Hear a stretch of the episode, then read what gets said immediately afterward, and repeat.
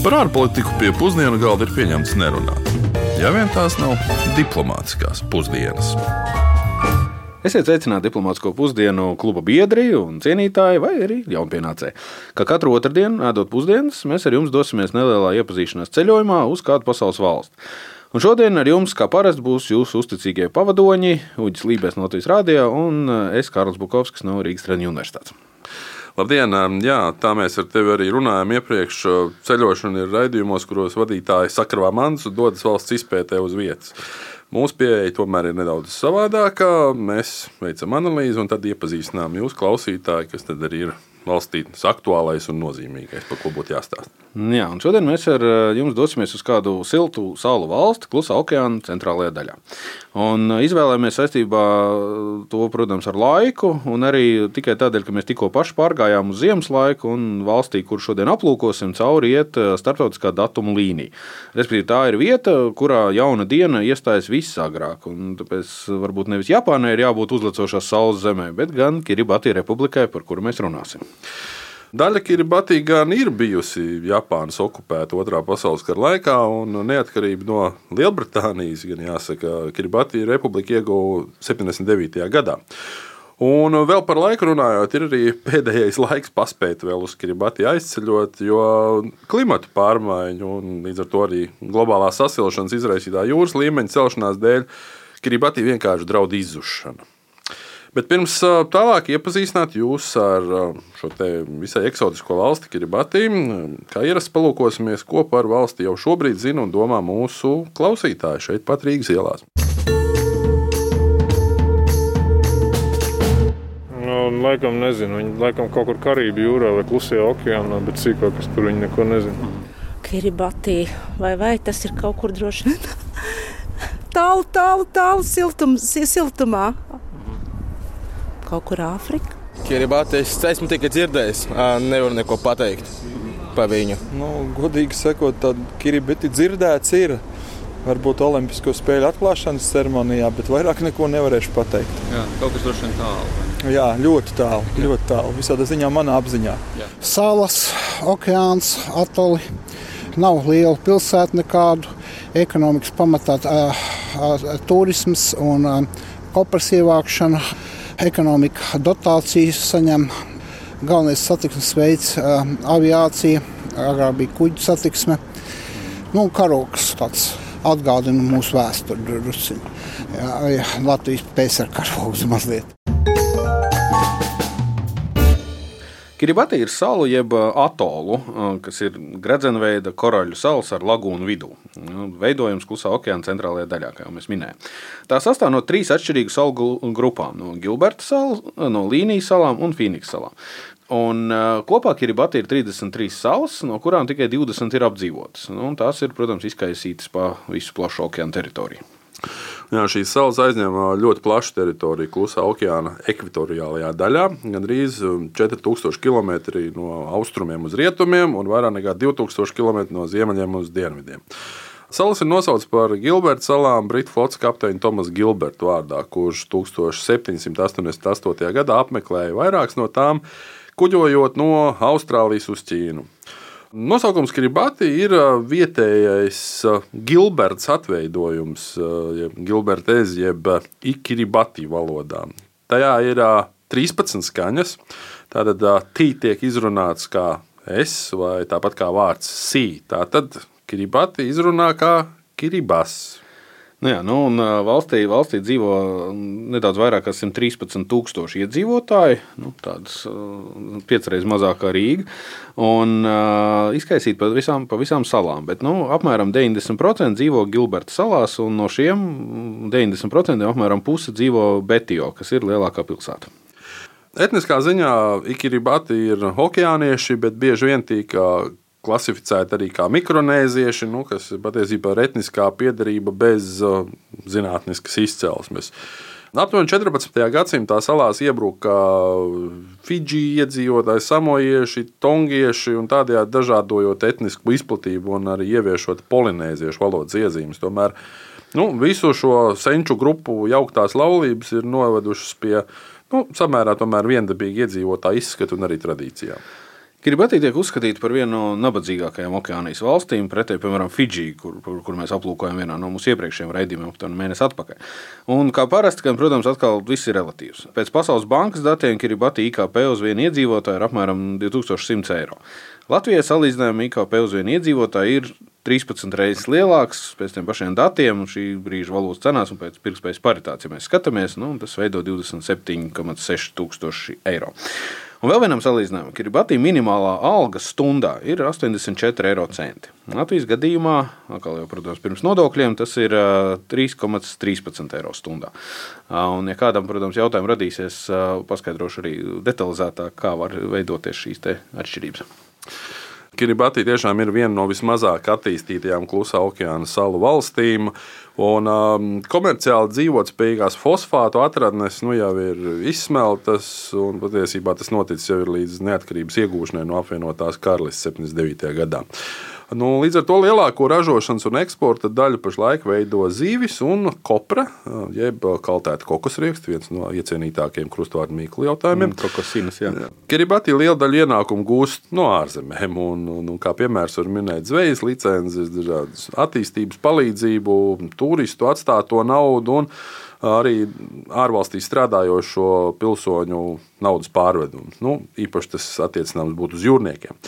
Lai gan nodarbināto jūrnieku skaits nu, globālo kuģniecības pieprasījuma izmaiņu dēļ ir ievērojami samazinājies, nu, tomēr paredzams, ka naudas pārvedumi uzlabosies.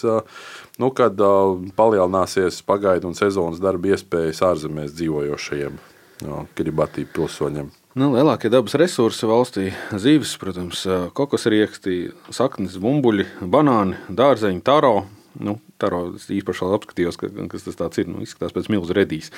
Tropiskie augļi, mājputni, cūgaļi, riekstu, olas nu, un dažādi citi lauksaimniecības produkti. Lielākais eksporta tirgus Kiribati ir tā izeme. Tas īstenībā ir pārsteidzoši, ka gaidīja, ka būs Austrālija un Jaunzēlanda, ar kurām politiskās attiecības ir ciešākas, bet tā ir tā zeme ar 53%, un tad seko Filipīnas, Dienvidkoreja, Japāna. Ņemot vērā, ka Kiribati ierobežotās vietējās ražošanas iespējas, ir, nu, tad ir jāimportē gandrīz visi svarīgākie pārtiks produkti un rūpniecības preces pašu patēriņam no citām valstīm. Nu, arī vēl viens faktors, kas, protams, ir jau arī daudzās citos mūsu raidījumos un par citām valstīm izskanējis, ka nu, Kiribati ir arī atkarīga no ārvalstu palīdzības, kuras kuru ieguldījums valdības finansēs vēl 2016. gadā, piemēram, bija viena trešā daļa no visa valsts budžeta. Un ekonomikas attīstību pilnīgi loģiski ierobežo arī kvalificētu darbinieku trūkums. Vāja infrastruktūra, ko starp citu gandrīz katru gadu kāda kārtējā vētra noposna, un arī attālums no starptautiskiem tirgiem. Valstī vēl ir ļoti daudz jābūvē, piemēram, tāda elementāra lieta kā ceļi. Jo valstī vispār ir tikai viens ceļš, kā mēs īsti skatāmies. Mm -hmm. Tas ir 36 km garš un savieno slimnīcu valdības māju un lidostu. Un, un, un jābūvē būtu arī ūdens apgādes un kanalizācijas projekti. Nu, jā, jo šādās atolos īpaši ir ļoti liels problēmas ar dzeramo ūdeni un tā rezervēm. Nu jā, šī būtu visnotaļ atšķirīga situācija. Ņem vērā, ka Kiribati atrodas pasaulē lielākā ūdens tilpne, kas ir klusais okeāns. Bet, protams, ka sāls ūdens un dzeramais ūdens ir pavisam dažādas lietas. Protams, no visiem pasaules ūdens krājumiem tikai 3% ir dzeramais ūdens. Un no šiem 3% tikai 1,2% būtu reāli lietojams, ja vien tas arī bieži vien nebūtu piesārņots un pilns ar dažādu slimību izraisītājiem, ieskaitot holēru. Nu, atlikušie 1,8% saldūdens, kas uz, uh, no visa pasaules ūdens krājumiem ir, ir, tie atrodas ledus vai pazemes ūdeņa formā. Un vienlaicīgi mēs jau minējām, ka Kiribati draud noslīkšanu vārdus tiešākajā nozīmē, jo šīs salas atrodas mazāk nekā 2 metrus virs jūras līmeņa. Um, tas ir uh, nu, vidēji pieaugušu cilvēku augumā nedaudz vairāk. Un, uh, kopš 1993. gada vidējais jūras līmenis šajā reģionā ir paaugstinājies par 3,2 mm gadā. Nu, it kā varbūt nav nemaz tik daudz, bet tomēr. Un jāsaka, ka Kiribati valdība ir radusi arī risinājumus. Nu, piemēram, tā ir nopirkusi zemi Fidži, atkal jau Fidži, nu, kas atrodas tieši apmēram 2000 km tālu no Kiribati. Un mērķis ir uh, audzēt labību un kalpot arī kā vietai, kur potenciāli nākotnē varētu evakuēt uh, valsts iedzīvotājus. Un par šo Kiribati cīņu ar klimata pārmaiņām savulaik stāstīja bijušais Kiribati prezidents Anote Tonks, kura vadībā tad arī tika nu, spērts šis solis par zemes iegādi. And so, the, uh, given the scenarios, the projections that the Uh. Starpvaldību klimata paneļa prognozes liecina, ka mūsu salas pēc gadu desmitiem kļūs neapdzīvojamas. Tāpēc galvenais jautājums ir, kā mums uz to reaģēt, kā mums arī turpmāk palikt virs ūdens, vai mums pietiks kapacitātes, lai pielāgotos. Pati vienkāršākā atbilde ir šāda: ja mēs gribam palikt uz mūsu salām, mums šīs salas ir jāpaceļ augstāk. Tas prasīs daudz resursu un pamatīgas zināšanas.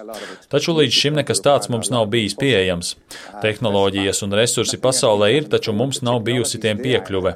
Un mana pārliecība vienmēr ir bijusi tāda, ka mums kā globālajai sabiedrībai vienmēr ir pietrūcis politiskās gribas, lai šādas pārmaiņas varētu notikt. Ja mēs runājam par zemes pirkšanu, tad mani par to ir vienmēr kritizējuši. Taču es gribu pateikt skaidri, mūsu plāns vienmēr ir bijis pielāgoties un veicināt klimata noturību. Taču gadījumā, ja mums tas neizdosies un mums vairs nebūs iespēju izmitināt uz salām visus mūsu iedzīvotājus, mums nāksies samierināties ar brutālo realitāti. Daži no mūsu pilsoņiem būs jāpārvieto. Mēs nedrīkstam to pieļaut, neko nedarot. Mēs vienmēr esam uzsvēruši, ka tā dēvētā migrācija ar pašcieņu būs pats pēdējais līdzeklis. Es esmu centies nodrošināties pret visiem scenārijiem, jo mēs nevaram atļauties to, ka mums nav plāna B vai plāna C. Uz spēles ir mūsu cilvēku izdzīvošana. Un patiesībā problēmas jau neizpaužas tagad. Jā, mēs redzam dažas no izpausmēm, taču ne jau tādā apjomā un intensitātē, kā tas būs nākamajai un aiznākamajai paudzei. Mums ir jāplāno uz priekšu, un tā ir mūsu atbildība darīt kaut ko jau tagad, nevis gaidīt. Ja mēs nerīkosimies, tad mūsu cilvēki kļūs par klimata bēgļiem, pārvietojoties apkārt un meklējot risinājumus, kad tas būtu jādara mums un šai paudzei. Trying to find solution when we should be doing it in this generation. Starp citu, liela daļa Kiribati iedzīvotāji jau ir pārcēlušies uz citām valstīm, un um, kopā ar Tuvalu iedzīvotājiem tiek minēti par pirmajiem klimata bēgļiem. Nu, bet runājot par Fidži, atkal arī tur situācija nemaz nav tik vienkārša. Jo nu, vismaz pašlaik izskatās, ka tiem cilvēkiem, kuri pārceltos uz Fidži, netiktu nodrošināta ne pilsonība, ne citas privilēģijas. Līdz ar to šis bēgļu status, arī bēgšana no klimata pārmaiņām pagaidām nav kā pamats, lai iegūtu patvērumu kādā citā valstī. Mm. Un vēl kāda maza nianse. Nu, Kiribati, protams, viena pati uz Fidži iegādātās zemes nekādas lauksaimniecības projekts visticamāk attīstīt nespētu. Tāpēc, kur gadījusies, kur ne, arī šeit palīgā ir nākusi kāda liela, daudziem zināma klātesoša draudzene Ķīnā. Nu, bet, protams, kur tad mūsdienās bez Ķīnas? Nu, rezumējot, gan jāsaka, ka Kiribati cīņa par izdzīvošanu ir ļoti atkarīga no pasaules sabiedrības nostājas. Un te nav runa tikai par to, ka pasaules sabiedrība ir humānā nostāja par to, ka nu, tās valsts, kurām ir, ir, ir, ir finansiālās problēmas, un sabiedrības, kurām finansiālās problēmas ir, ir, ir jāsniedz vai nu divpusējs vai daudzpusējs finansiālais un, un materiālais atbalsts, kā tas ir, protams, Kiribati gadījumā. Bet otrs aspekts ir arī tas, ka nu, Kiribati ļoti atkarīgi no pārējo pasaules iedzīvotāju attieksmes mēs eh, cīņai pret klimatu pārmaiņām. Attiecīgi, ja mēs neko nedarīsim, viņi noslīgs. Un, ja mēs darīsim, tad ir iespēja, ka viņi uz Fidži nepārcelsies. Lai cik būtu paēdis, vienmēr ir vieta arī desertam. Jā, arī par tādu salīdzinoši mazu valsti kā Kiribati varētu runāt daudz, bet eh, nu, ir pienācis laiks arī mūsu desertam. Tad atļauj man nedaudz sākt eh, ar interesantu faktu, kas man likās ļoti interesants. Kiribati ir vienīgā valsts, kas atrodas visās četrās pasaules puslodēs. Respektīvi, gan eh, horizontāli, gan vertikāli skatoties. Valsts šķērso ekvatoru, aizņemot ziemeļu un dienvidu puslodes. Un tā atrodas arī gar zemeslodes galveno meridiānu, kas aizņem austrumu un rietumu puslodes.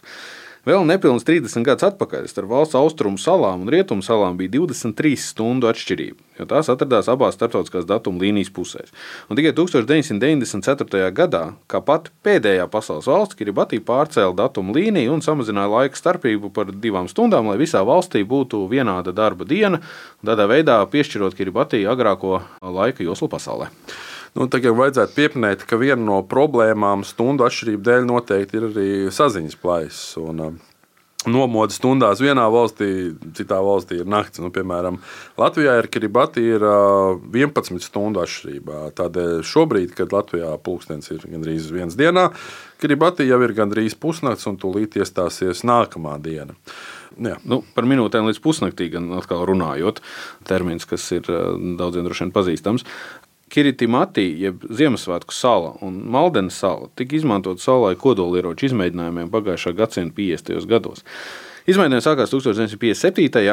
un jāmin, ka tolaik salās dzīvojošie netika evakuēti. Tādēļ vēl šobrīd tie cieši no veselības problēmām. Daudzas salas vēl nav apdzīvotas, un termins ekoloģiskie bēgļi, par kuriem mēs runājām iepriekš, reizēm tiek attiecināts arī šī iemesla dēļ uz Kiribati iedzīvotājiem.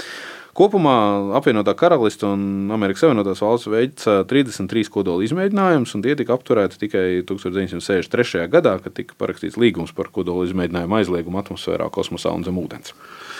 Un par veselības problēmām runājot, um, Kiribati iedzīvotāju vidējais dzīves ilgums ir uh, zem 60 gadiem. Un, un viens no daudziem iemesliem tam ir arī fakts, ka Kiribati iedzīvotāji tiek uzskatīti arī par pasaulē nu, aktīvākajiem smēķētājiem. Proti, tiek rēķināts, ka 57% pieaugušo pīpē.